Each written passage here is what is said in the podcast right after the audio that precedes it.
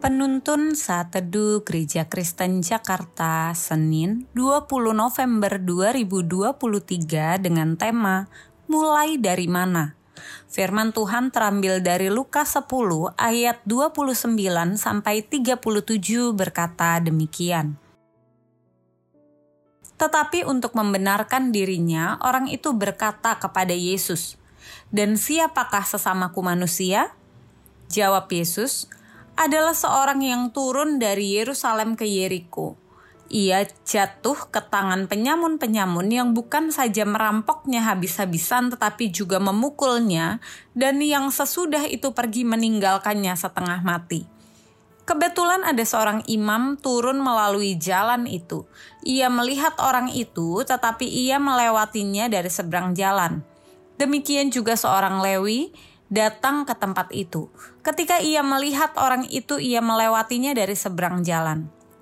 Lalu datanglah seorang Samaria yang sedang dalam perjalanan ke tempat itu. Dan ketika ia melihat orang itu, tergeraklah hatinya oleh belas kasihan. Ia pergi kepadanya, lalu membalut luka-lukanya. Sesudah ia menyiraminya dengan minyak dan anggur, kemudian ia menaikkan orang itu ke atas keledai tunggangannya sendiri, lalu membawanya ke tempat penginapan dan merawatnya. Keesokan harinya ia menyerahkan dua dinar kepada pemilik penginapan itu, katanya, Rawatlah dia, dan jika kau belanjakan lebih dari ini, aku akan menggantinya waktu aku kembali. Siapakah di antara ketiga orang ini, menurut pendapatmu, adalah sesama manusia dari orang yang jatuh ke tangan penyamun itu? Jawab orang itu, orang yang telah menunjukkan belas kasihan kepadanya. Kata Yesus kepadanya, "Pergilah dan perbuatlah demikian." Saat ingin belajar peduli seperti Yesus peduli, mungkin Anda bertanya-tanya, "Mulai dari mana?" Saya bersama dengan tim misi di gereja tempat saya pernah melayani diundang ke rumah sepasang suami istri yang keduanya merupakan pelayan Tuhan yang setia. Mereka ingin meminta bantuan kepada tim pelayanan misi agar dapat menyalurkan berkat bagi orang yang membutuhkan. Mereka ingin memberi, tapi tidak tahu harus mulai dari mana dan kepada siapa. Lalu, pendeta tim misi kami mengatakan, sebenarnya tidak harus selalu melalui kami. Kalian juga boleh menyatakan kepedulian kepada orang di sekitar, seperti tetangga, pegawai toko, teman sekolah anak, atau orang-orang di sekitar kalian yang kalian tahu sedang membutuhkan pertolongan atau dukungan kasih. Tidak ada yang salah dengan meminta bantuan gereja namun alangkah baiknya jika kita yang dapat tergerak menolong kebutuhan orang lain dengan segera. Nas hari ini merupakan perumpamaan yang Tuhan Yesus berikan kepada orang Farisi.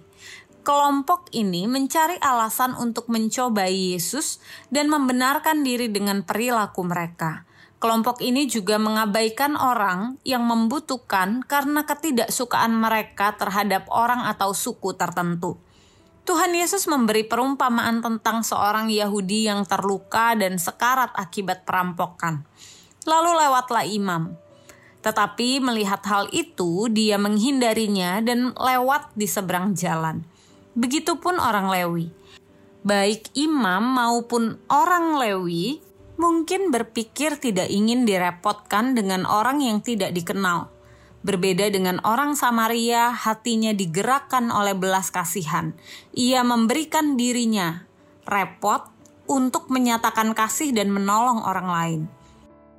Perumpamaan ini Yesus tunjukkan untuk memberitahu bahwa selalu ada orang di depan mata kita yang membutuhkan tindakan kepedulian kita.